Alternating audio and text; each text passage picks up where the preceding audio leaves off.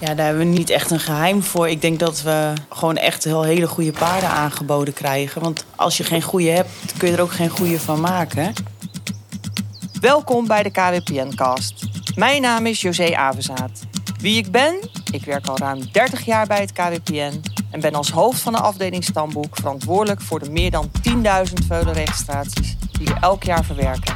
En alles wat er verder in het paardenleven nog meer qua administratie gebeurt. Maandelijks voer ik een goed gesprek met sport- en fokkerij-experts over de belangrijkste onderwerpen in de paardenhouderij en de sport. Leuk dat je luistert naar deze podcast van KWPN. Vandaag bij mij te gast Tamara van Manen van trainingsstal Marcel en Tamara van Manen, oftewel MT Stables. Tijdens de afgelopen KWPN Hengstekeuring werden zij gehuldigd als hypisch ondernemer van het jaar 2021. Die titel danken zij volgens het juryrapport aan het feit dat zij zich bewust hebben gespecialiseerd in de jonge paarden. Dat, in combinatie met een scherp oog voor talent, heeft hun hoge succespercentages gebracht. Welkom Tamara. Dankjewel. Um, ben je al een beetje bijgekomen van die hengstekeuring en van de hypische ondernemer? Ja, Drie premiehengsten, dat is natuurlijk uh, niet niks. Hè? En ik hoop vier premiehengsten zelfs eigenlijk. Ik hoop niet, ja, ik hoop eigenlijk voor jullie dat je dat niet voor de eerste keer en voor de laatste keer hebt meegemaakt.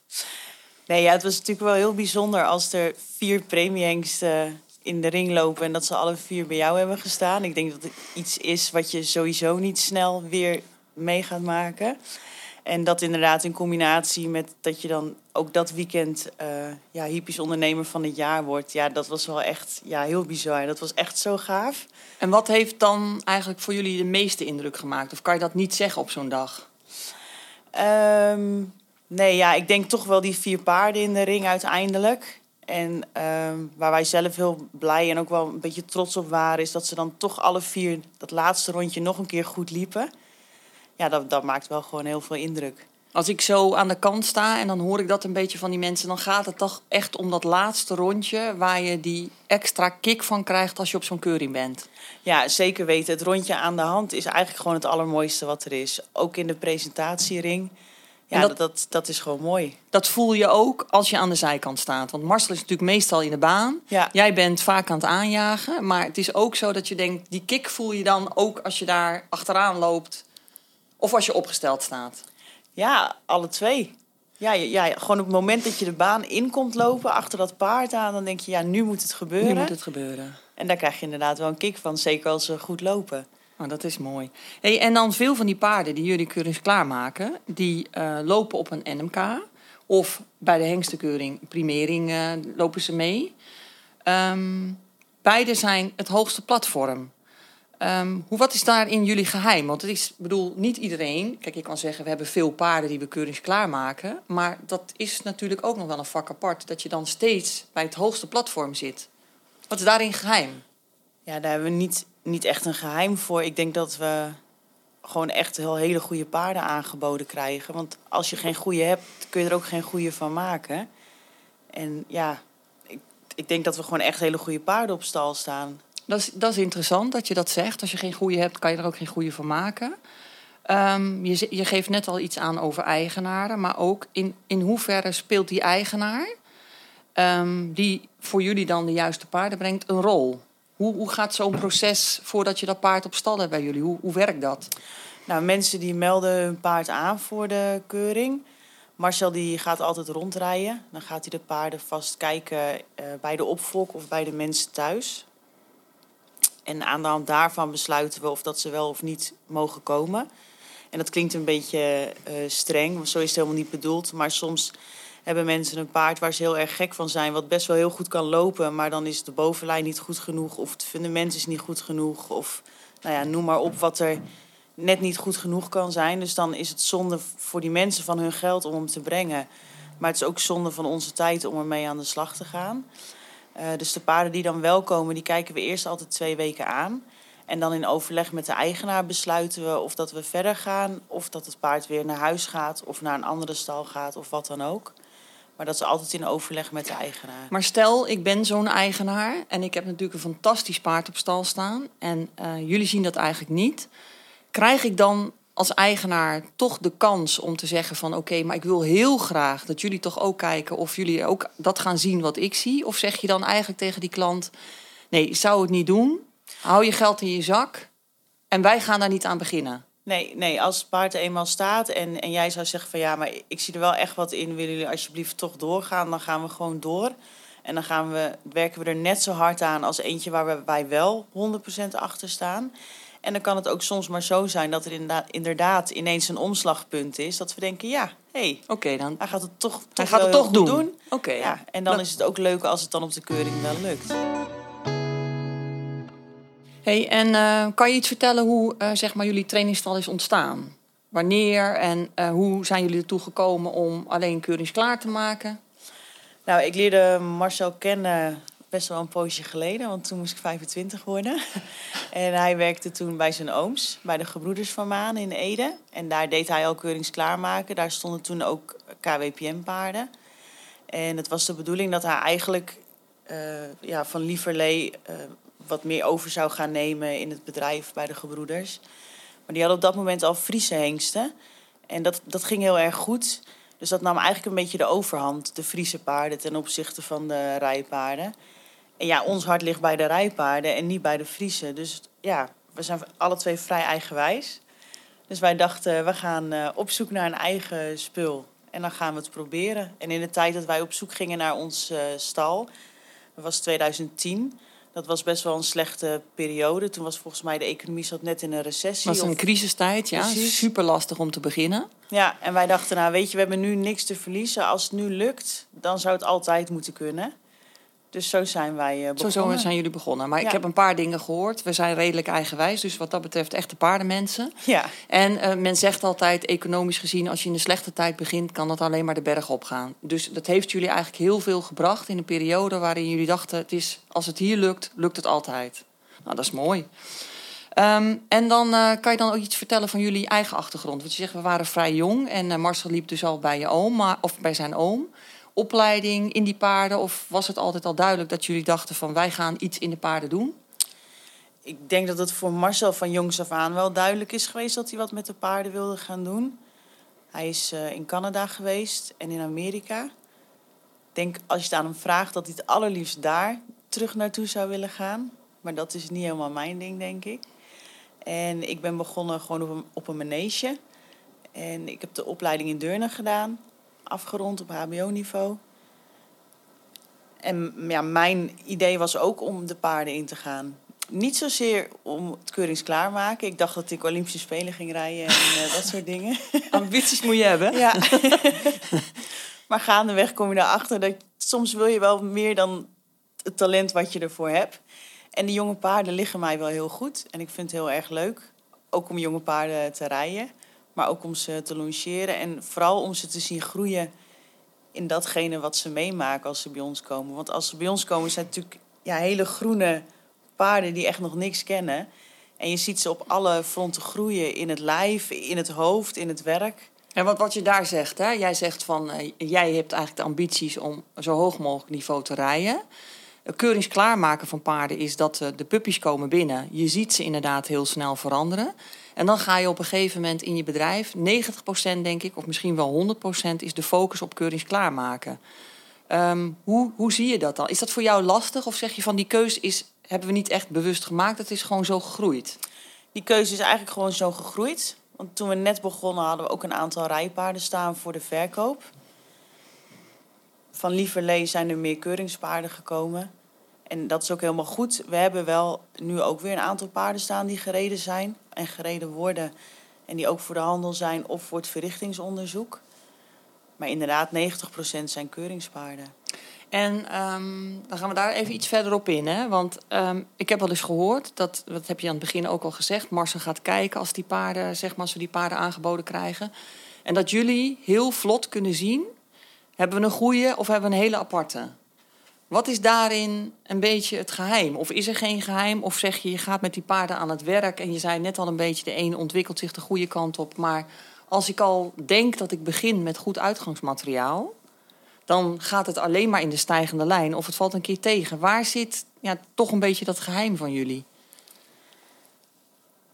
Weet ik eigenlijk niet. Kijk, een echte goeie, die herkent iedereen. Zoals ook van afgelopen winter. Ja, die gooiden we los. Die kende nog niks. Die vertrok. Ja, dan weet je gewoon... Dat is hem. Dit is er eentje voor de laatste ronde. En, en natuurlijk, je kan zat zeggen over zijn exterieur... maar dat paard dat heeft vanaf dag één gelopen zoals hij altijd loopt.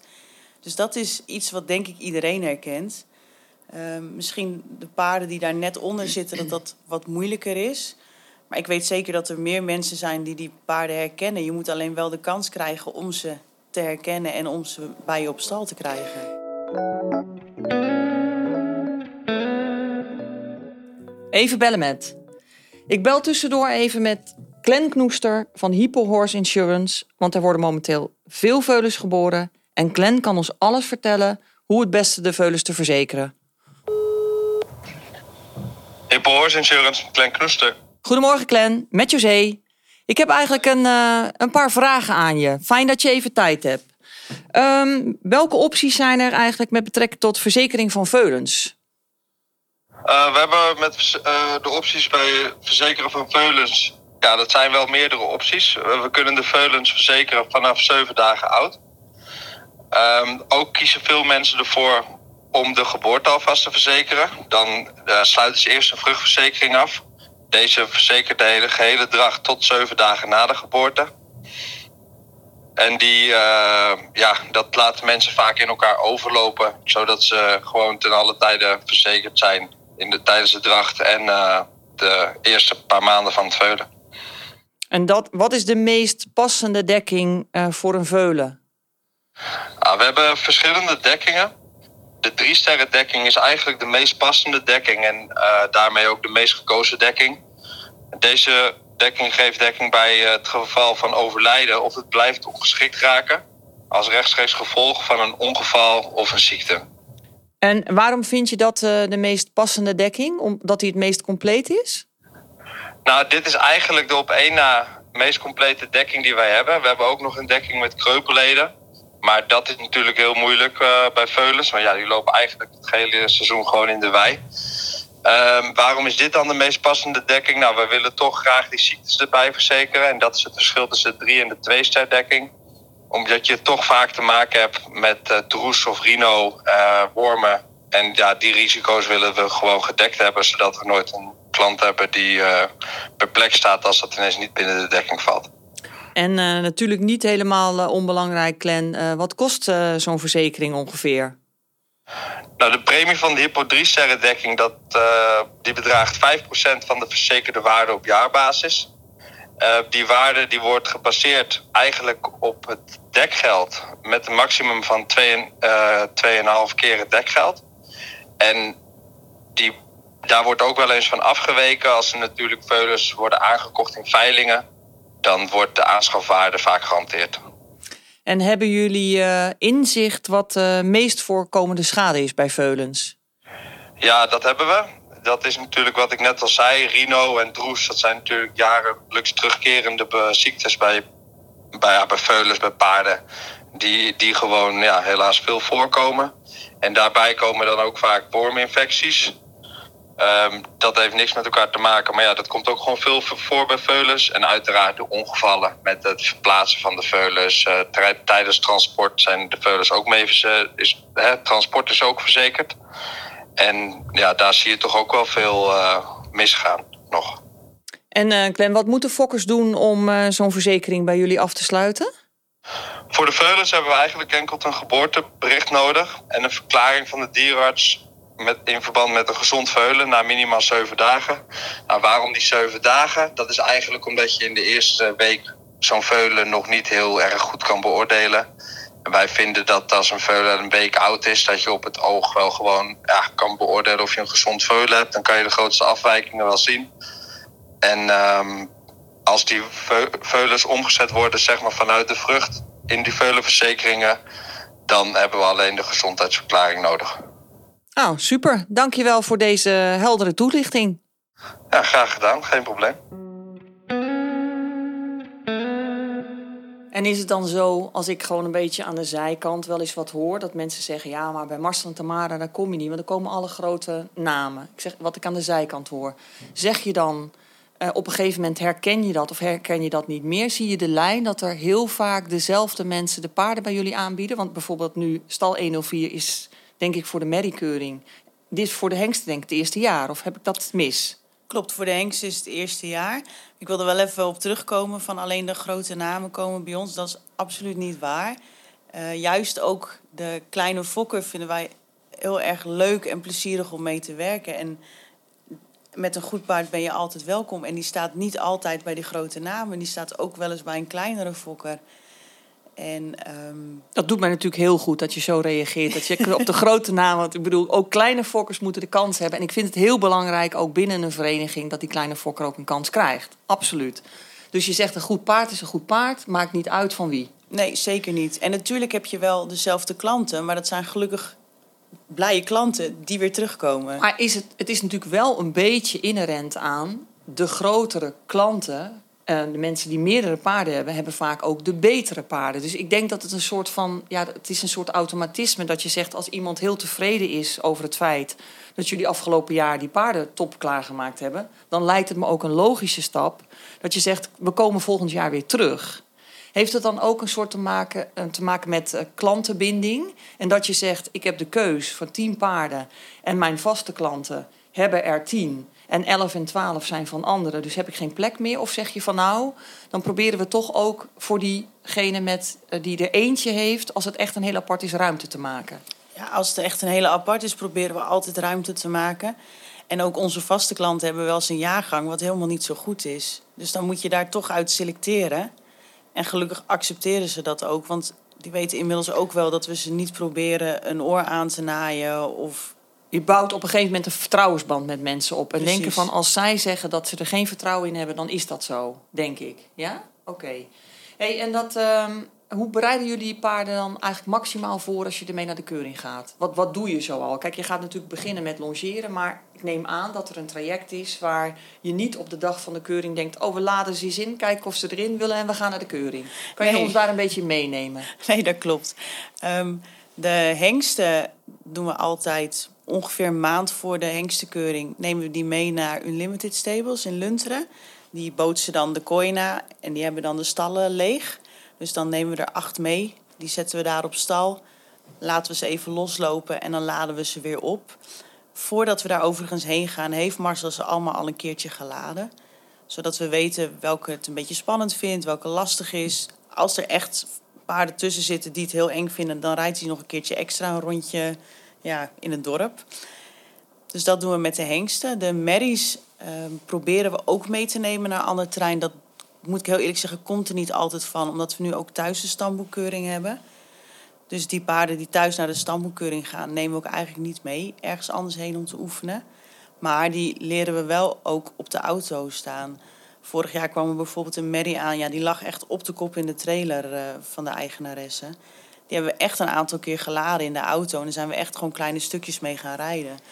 Ook om het feit dat als die merrie weer naar huis gaat, dat dat gewoon op een veilige manier kan gebeuren. Ja, ik denk dat je uiteindelijk ook alles aangeboden krijgt van mensen. Misschien wel paarden die nog nooit eh, een hoofdstel, peeskappen en zo omgehad hebben.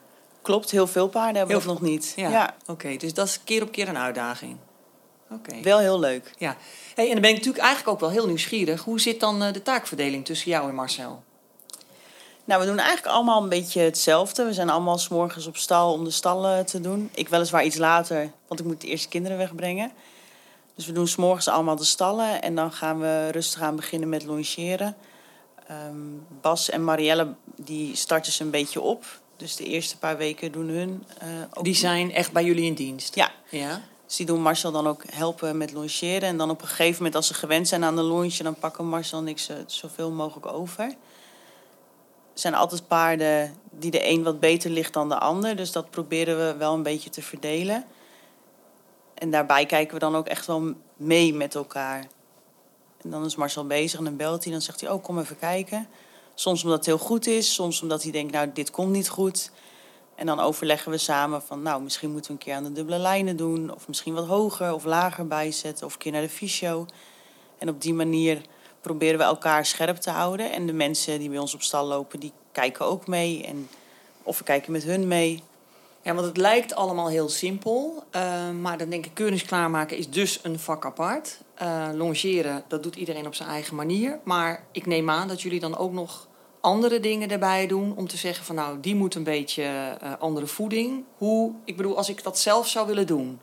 Kan je mij dan tips geven waar je zegt van nou, je moet altijd dat doen. Je moet daarop letten. Wij geven aparte voeding. We doen, ja, voeding is heel belangrijk denk ik. En in een periode van drie maanden of hoe lang... Uh, voor de medisch in een periode van drie maanden, voor de hengsten meestal vier maanden. Allereerst wat heel belangrijk is, is de hoefsmid. Dat die op tijd er is, ook dat je op tijd dat je een schema hebt. Hè, dat hij niet in de week voor de hengstkeuring of de medikeuring nog een keer komt. Dat het ijzer misschien net te krap ligt of vernageld. Nou, je kent het allemaal wel. Dus de smid is heel belangrijk. Het voer is daarbij ook heel belangrijk, want je ziet ze of groeien inderdaad, of juist uh, afvallen. Dus daar moet je je voer op afstemmen. Wij doen de, de magere paarden bijvoeren met slobber, seniorenslobber. Want we willen ze niet fitter hebben, maar wel voller. We hebben dan brok. Dat is dan een soort merriebrok. Dat is ook om ze voller te krijgen. Maar we hebben ook een brok waarvan ze fitter worden. Dan hebben we voor de paarden waarvan we denken... ja, die mag echt wel iets meer pit hebben, hebben we ook nog haver. Maar als jij al drie weken haver voert... heeft de haver helemaal geen nut meer. Dus daar moet je ongeveer tien dagen van tevoren mee beginnen. Dat, dat het zich opbouwt, het voer in het paard. En dat hij ook echt wat heeft. Dus eigenlijk kunnen we zeggen, jullie behandelen de paarden als uh, zeg maar topsporters. Je past je voeding erop aan, de training erop aan. En dan, dan hoop je het optimale te krijgen. Maar het lijkt me sowieso lastig om in zo'n korte periode zo'n paard. Want je weet niet uh, hoeveel voeding je er precies bij moet geven. Kijk, als het paard van jezelf is, dan ken je hem een beetje. Is die periode van drie maanden, is dat, dat redden jullie steeds om uh, de goede timing en, en fine te tunen? Ja, drie maanden, dat, dat redden we. Goed ook. Meestal na een week of drie, vier, dan zakt de weerstand een beetje in. Dan worden ze nog een beetje snotterig. Dus we hebben die tijd ook wel echt nodig. En de training gaat nooit in één stijgende lijn omhoog. Daar zitten altijd wel dipjes in. Dus je hebt die drie maanden ook echt wel nodig. nodig. We hadden van de, zowel van de winter als van de zomer een aantal paarden die wat later kwamen. En dan merk je gewoon dat die een achterstand hebben. Oké. In, in de training, in het voer. Als je ze vergelijkt met de andere paarden, dan zie je gewoon, ja, die zijn niet zo vol, niet zo bespierd. Nee. Maar ik, vind, ik vind dat echt oprecht knap, dat je dat in drie maanden gewoon zo, zo voor elkaar krijgt. Je zei net al, uh, we hebben twee mensen in dienst. Um, en ik denk dan, oké, succes haal je niet alleen. Je hebt een bedrijf, je hebt een team nodig. Um, dus die twee mensen zijn jullie, bij jullie in dienst. En uh, jullie hebben ook volgens mij altijd een ongelofelijke batterij met vrijwilligers. Hoe hou je dat zeg maar, in deze tijd waarin mensen toch altijd denken van ja, hoe hou ik die vrijwilligers, hoe doen jullie dat?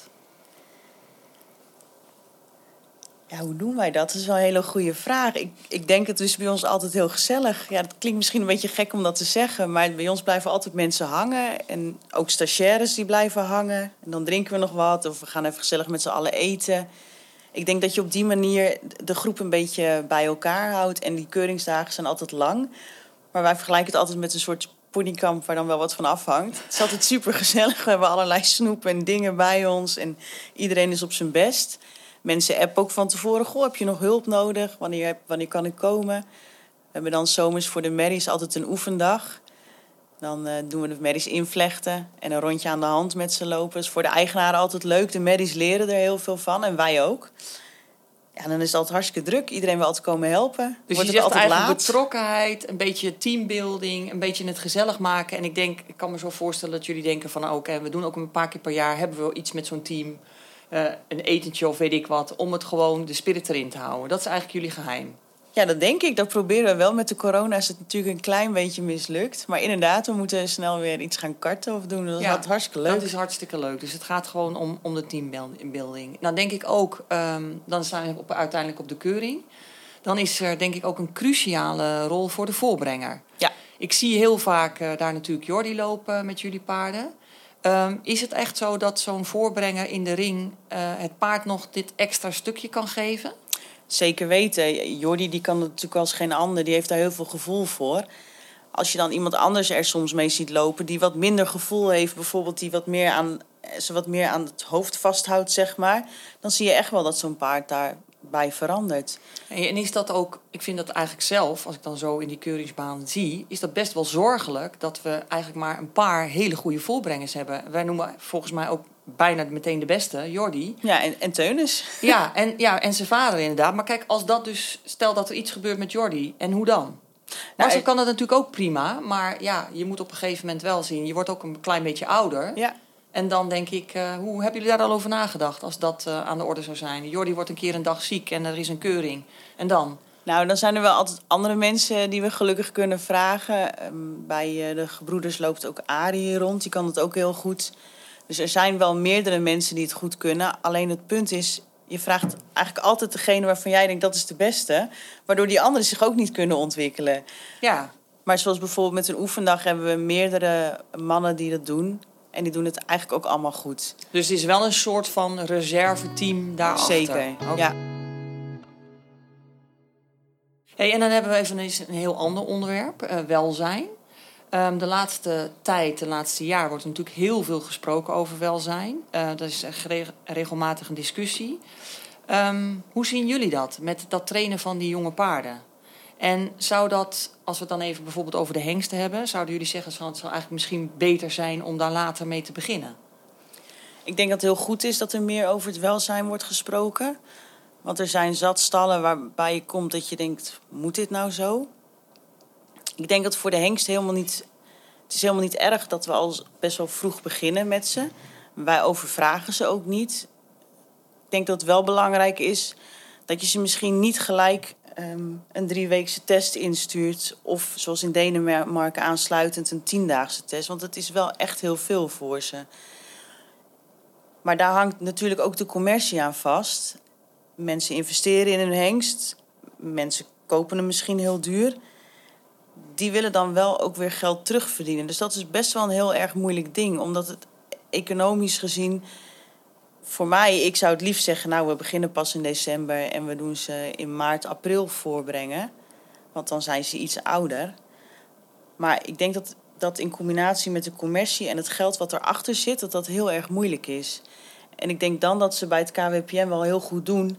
Die paarden hoeven echt alleen maar los te lopen. En natuurlijk moet je ze longeren voor die tijd. Maar het is niet zoals in Duitsland dat die paarden die worden al gereden in december. Ja, ik vind dat best heel veel voor die jonge hengsten. Ja, dus eigenlijk zeg je van we zijn bewust met welzijn bezig, maar het gaat dan ook een keer over welzijn versus de portemonnee van de fokker. Precies. Oké. Hey, en dan heb je in die, in die jaren dat jullie nu bezig zijn, heb je natuurlijk best ook een beetje die paarden zien veranderen. Zeg je van de paarden zijn veel uh, atletischer geworden, de paarden zijn veel rilleriger geworden, of zeg je van nou eigenlijk kan ik niet de verschillen benoemen. Zie je daar verschil in of zeg je van nee, het valt eigenlijk reuze mee? Ik denk dat ze veel beter zijn gaan lopen. De beweging, het bewegingsmechanisme is echt wel beter geworden. Maar ik denk dat we wel goed op moeten letten dat de bovenlijn goed genoeg blijft. Want die, wil echt, die laat echt wel eens wat te wensen over. Ook het fundament moeten we goed op blijven letten.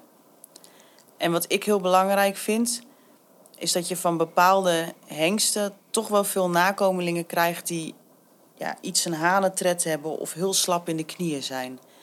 Ik denk dat we daar wel echt heel goed op moeten gaan letten met z'n allen. En kan je benoemen waarvan je denkt van waar dat vandaan zou kunnen komen? Want dan denk ik van, er zijn inderdaad best aandachtspunten. Ik denk als je dagelijks met die paarden traint, dan zie je ook heel goed waar de minpunten van zo'n paard zitten. En is dat, kijk, we gaan natuurlijk niet hebben over correctheid, want uiteindelijk bepaalt de jury in de ring wat die correctheid vindt. Maar ik neem aan dat jullie met deze ervaring ook wel zien van oké, de, de afgelopen jaren hebben wij toch een beetje dit soort dingen gezien die je benoemt. En dan heb ik het ook over correctheid van. Want ik bedoel, we hebben het met, met de röntgenologische dingen hebben we gezegd van oké, we hebben daar aandacht op. Maar je, jullie kijken echt naar het totaalplaatje van het paard. Dus daar zeg je echt de knieën, dat is een belangrijk onderdeel de stand van de benen? Is daar nog iets waarvan je zegt? Ja, dat is ook per hengst verschillend, de, de nakomelingen daarvan. En soms heb je liever een paard waarbij de stand iets afwijkend is of de voet afwijkend, maar die wel heel veel talent heeft, dan een paard die super correct is, maar ook in het lopen gewoon heel correct en gewoon ja, is. En niet zeg maar dat laatste wat je graag wil zien. Dus dan Precies. doe je als gebruiker, denk ik, sneller even zoiets door het, eh, zeg maar, daar ga, daar ga je overheen. Want dan denk je van, nou oké, ik vind dat belangrijker. Dan wanneer je zegt, hij is super correct, maar hij heeft net niet dat beetje waardoor je denkt, het dwaalgevoel. Ja, zolang het de gezondheid niet in de weg staat, denk ik dat je best een klein beetje eh, ietsjes los mag laten. Maar zolang het de gezondheid niet in de weg staat. Want als je bijvoorbeeld een steile voet en een platte voet hebt, ja, dan weet je zeker dat gaat een keer stuk. Op termijn, ja, Ja. precies. Dus het moet wel binnen de marges blijven. Zeg Maar dat lijkt me toch ook best een lastig iets. Want kijk, eh, als, als je zeg maar een paard ziet bewegen, dan kunnen mensen daar natuurlijk helemaal het wauwgevoel van krijgen. En als je dan toch weet, ja, de correctheid laat iets te wensen over. Ga je dan dat ook wel eh, zeg maar bij die mensen neerleggen en zeggen, joh, moet je luisteren, we zien allemaal dat hij kan lopen. Maar dat zal misschien best een puntje kunnen zijn. Ja, we hebben al twee keer gehad dat we een merrie eh, in de finale van de nationale hadden. Waarvan Marcel van tevoren had gezegd: Nou, met die voeten gaat het echt heel moeilijk worden. maar qua lopen wil ik hem er graag bij houden, dus we nemen hem mee. Dus het lijkt me beter om daar geen uitspraak over nee, te doen. nee, zeker niet. Maar, ehm, dus we zeggen het wel altijd. Want je moet wel altijd open en eerlijk naar de fokker blijven. Kijk, de fokker die vindt zijn eigen paard natuurlijk altijd de beste. Geweldig, en dat is ja. ook logisch, Ja, dat mag ook. Maar je moet wel altijd kritisch blijven. En ook altijd wel aangeven van... joh, ja, het is een goed paard, maar dit of dat. Dus dat is eigenlijk probeer je daarmee de teleurstelling van fokkers te voorkomen. Ja. Dan hebben jullie het wel gezegd, dus dan is het een eerlijk verhaal. En als het dan meevalt, is het mooi. En valt het tegen, dan heb je de informatie wel gegeven. Ralf, goedemiddag. Is het eh, belangrijk, want we zitten midden in gesprek. Hoi José, ja, sorry dat ik binnenval. Maar het is eigenlijk heel belangrijk. Eh, er zijn namelijk een aantal wijzigingen doorgevoerd in de berekening van de fokwaarde. En tevens gaan we gebruik maken van DNA-informatie eh, binnen de fokwaarde. Eh, nou ja, we gaan die genoomfokwaarde voor sport, voor de dressuur en springpaarden publiceren na het voorjaarsverrichtingsonderzoek. Ehm, nou, dat gaan we doen omdat we dan de meest actuele informatie hebben, ook van de jonge hengsten die de test lopen. Ehm, maar ja, er zijn natuurlijk heel veel vragen over van fokkers. En daarom organiseren we drie fokkerscafés in het land. Nou ja, op 25 april, op 9 mei en eentje op eh, 11 mei. Dus ik wil ook echt zeggen, iedereen die vragen heeft, geïnteresseerd is in de fokwaarde, kom hier naartoe en eh, stel uw vragen aan de, specialisten. Oké, ja, dat is wel denk ik een interessant onderwerp om even te onderbreken. Eh, dus heel duidelijk, mensen, kom naar de Fokkerscafé en stel daar al uw vragen over de nieuwe fokwaarde. U bent van harte welkom. En dan ben ik eigenlijk ook wel benieuwd. Eh, doen jullie zelf ook fokken? Doen wij ook. Ja? We hebben met andere, eigenlijk bijna alle merries met andere mensen samen. We fokken met een eh, oude merrie van Berend Midden. Ja? eh, Santana van Hof Olympia. Daar hebben we nu inderdaad ook weer een veulentje van gekregen. Dus dat is heel erg leuk. We hebben met Adrie Sekveld een merrie samen. En Gebruik je dan hengsten die eh, met name ook door jullie keuringsklaar zijn gemaakt? Heb je daar een, een soort van zwak voor? Dat je zegt van nou, we neigen er toch wel heel snel naar om dan als we de keus maken voor die merrie, om te denken van met deze willen we graag dekken, want we hebben daarmee gewerkt, we weten hoe die is, we weten wat die doet. ja, daar hebben we wel echt een zwak voor, voor die Ja? paarden. Oké, maar dat vind ik eigenlijk ook heel logisch, want je kent die paarden door en door. Oké, dat, is, dat is eigenlijk wel mooi. Hey, en dan is nog een heel ander onderwerp, wat ik ook interessant vind, omdat wij natuurlijk eh, binnen KWPN ook een aantal jaren veilen. Hebben natuurlijk de sales. En eh, jullie doen sinds een paar jaar samen met nog een paar, ik dacht met Peter en met Linda van Doren, eigen veiling. Vind ik reuze interessant, omdat ik altijd denk van. Jullie hebben allemaal je eigen achterban, jullie hebben allemaal je eigen klantenkring. En ik denk altijd als mensen samenwerken, word je sterker van. Maar ik vind het ook een enorme uitdaging. Want je moet ook, dat zegt, bereid zijn om te delen. Ehm, hoe, zijn, hoe zijn jullie daarop gekomen om samen zo'n veiling te organiseren? Wij zijn daar twee jaar geleden mee begonnen. Toen net de coronaperiode startte. Met het idee van, nou, misschien stort de handel wel heel erg in, want mensen mogen nergens meer heen. Dus daar vandaan een online veiling. En net wat jij zei, wij denken inderdaad als je samenwerkt met anderen, dat je veel sterker staat en veel meer geld kan verdienen samen. En dus eigenlijk is corona de aanleiding geweest. Maar hoe start zo'n proces? Jullie komen met een idee en je hebt het dus met je collega's daarover. En die zeggen, oh, dat vinden wij ook wel een goed idee. Zullen we dat samen doen? Nou, het was eigenlijk helemaal niet Waarschijnlijk ons... met de borrel erbij, denk ik. Ja, dat zeker. het was helemaal niet ons idee. Het was eigenlijk het idee van eh, Eugène Racing. Want Performance Plus is zijn naam, dacht ik. En Linda vroeg, joh, hebben jullie zin om mee te doen? Want we willen het graag met z'n vieren doen. Dus aan de hand daarvan, we doen al, vaker samen met Linda Handel. Dus we dachten, ja, dat bevalt ons goed, laten we het proberen. En zo zijn we erin gestapt. We dachten, als we het niet proberen, dan weet je ook nooit of het lukt. Dus laten we kijken of het wat voor ons is. En eigenlijk kennen jullie de paarden, jullie hebben de paarden staan, keurings klaargemaakt. Dan worden de mensen ook blij als je dan uiteindelijk ook die paarden kan verkopen als die wens er is. En dat valt jullie dus eigenlijk reuze mee en dit is gewoon uh, een jaarlijks terugkomend iets. Ja, het is, het is voor, voor onze klanten een platform inderdaad om de paarden te kunnen verkopen. Ja, en je, en je leert gewoon je krijgt elke keer weer andere klanten uit de raarste uithoeken van de wereld. Gaan mensen ineens bieden. De laatste keer hadden we mensen uit Australië. Wij dachten, nou, het zal wel. Maar ja, toen gingen we daarna kijken toen ze gekocht hadden. Het bleek gewoon echt een stal te zijn die aan de weg aan het timmeren is. Dus zodoende doe je allemaal nieuwe klantencontacten op. En dat is wel heel erg leuk. Dat is heel erg leuk. En het is inderdaad, dan, dan kopen ze een keer iets en dan komen ze waarschijnlijk ook gewoon bij je terug. Dus het is gewoon eigenlijk een uitbreiding van. Eigenlijk wel. Oké. En is het zo dat, dat de handel dan uh, naast het keuringsklaarmaken voor jullie echt een belangrijk onderdeel erbij is? Zeg je, het keuringsklaarmaken is de basis en ons vak. En maar de handel is ook wel inmiddels een belangrijke tak. De handel is inmiddels zeker een belangrijke tak. Het zijn ook een beetje de krenten in de pap. Want van het keuringsklaarmaken word je niet rijk, maar van de handel moet je het wel hebben. En zeker de laatste jaren uh, echt heel veel paarden verkocht. De hengsten van de hengstenkeuring zijn op twee na ook echt allemaal verkocht voor mooi geld. Waarbij mensen echt tevreden zijn. Dus dan is het gewoon echt voor iedereen een win-win situatie. Ja. Nou, ik denk, uh, Tamara, dat we een uh, leuk doorkijkje hebben gekregen van je bedrijf en van jou. Uh, Dank je wel voor je uitgebreide antwoorden.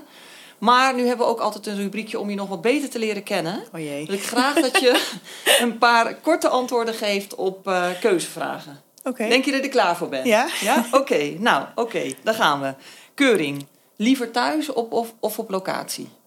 Liever thuis. Een zonvakantie of een wintersport? Een zonvakantie. Een camping of hotel? Hotel. Sushi of stampot? Sushi. Een nieuwe paardenvrachtwagen of een nieuwe sportauto? Oeh, dat is een hele moeilijke. Ik denk een nieuwe paardenvrachtwagen. Liefst allebei zou je zeggen, ja. of niet? Oké, okay. ja. Een hengst of een merrie mee naar de keuring? Merrie. Je gaat naar de concert. Ga je dan naar de toppers of naar André Rieu? Toppers. Een avondje uit. Een jurkje of een spijkerbroek? Een jurkje. Een jurkje, oké. Okay. Ja. uh, Facebook of TikTok? Facebook. Met de kinderen naar het voetbal of toch maar liever naar je eigen dressuurwedstrijd? Dan naar de voetbal.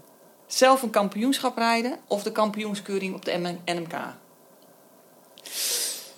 Oh, de kampioenskeuring op de NMK. Een vaste vrije dag of toch maar lekker doorbikkelen zeven dagen per week? Toch maar lekker doorgaan. De KWPN Select Sale of jullie eigen veiling? Onze eigen veiling. dat vind ik nou toch jammer, dat laatste antwoord, Tamara, maar ik begrijp Sorry. het volkomen. Uh, nou, dankjewel voor deze leuke toelichting, voor dit leuke gesprek. Maar blijft u vooral even luisteren, want we zijn nog niet klaar met deze podcast. Dankjewel, Tamara. En jij bedankt.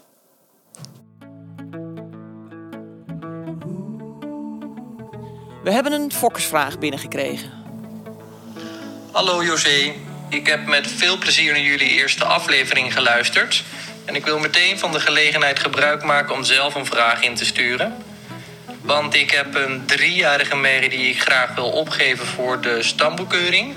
En ik vraag me af welke stappen ik moet zetten om die merrie aan te kunnen melden. En verder ben ik benieuwd of het nog uitmaakt naar welke keuring ik ga. Moet dat per se een keuring in mijn eigen provincie zijn? Of kan ik zelf een keuringsdatum kiezen die voor mij het beste past? Ik hoop dat jullie deze vraag kunnen beantwoorden. Dankjewel.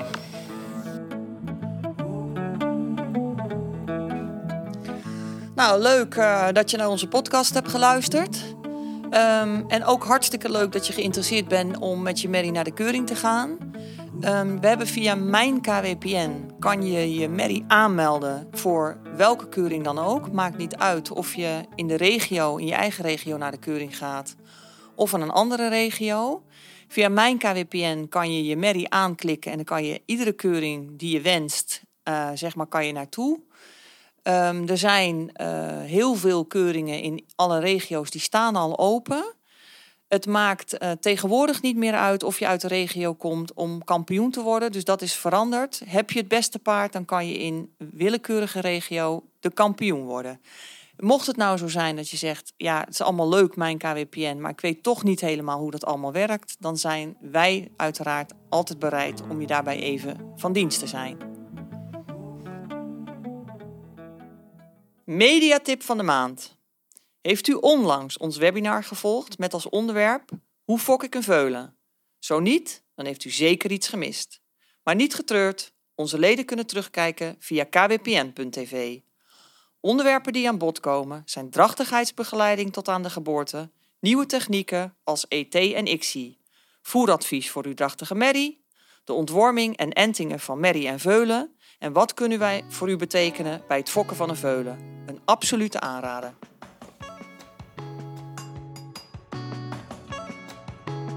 We zijn aan het einde gekomen van deze tweede podcast. Hartelijk dank voor het luisteren. Volgende maand praten we met Elisa Brouwers, dochter van Wilco Brouwers, over het leven van een kleine hengstenhouder. Familie Brouwers heeft sinds 2021 de Brabantse hengstenhouderij van Piet Kuipers overgenomen.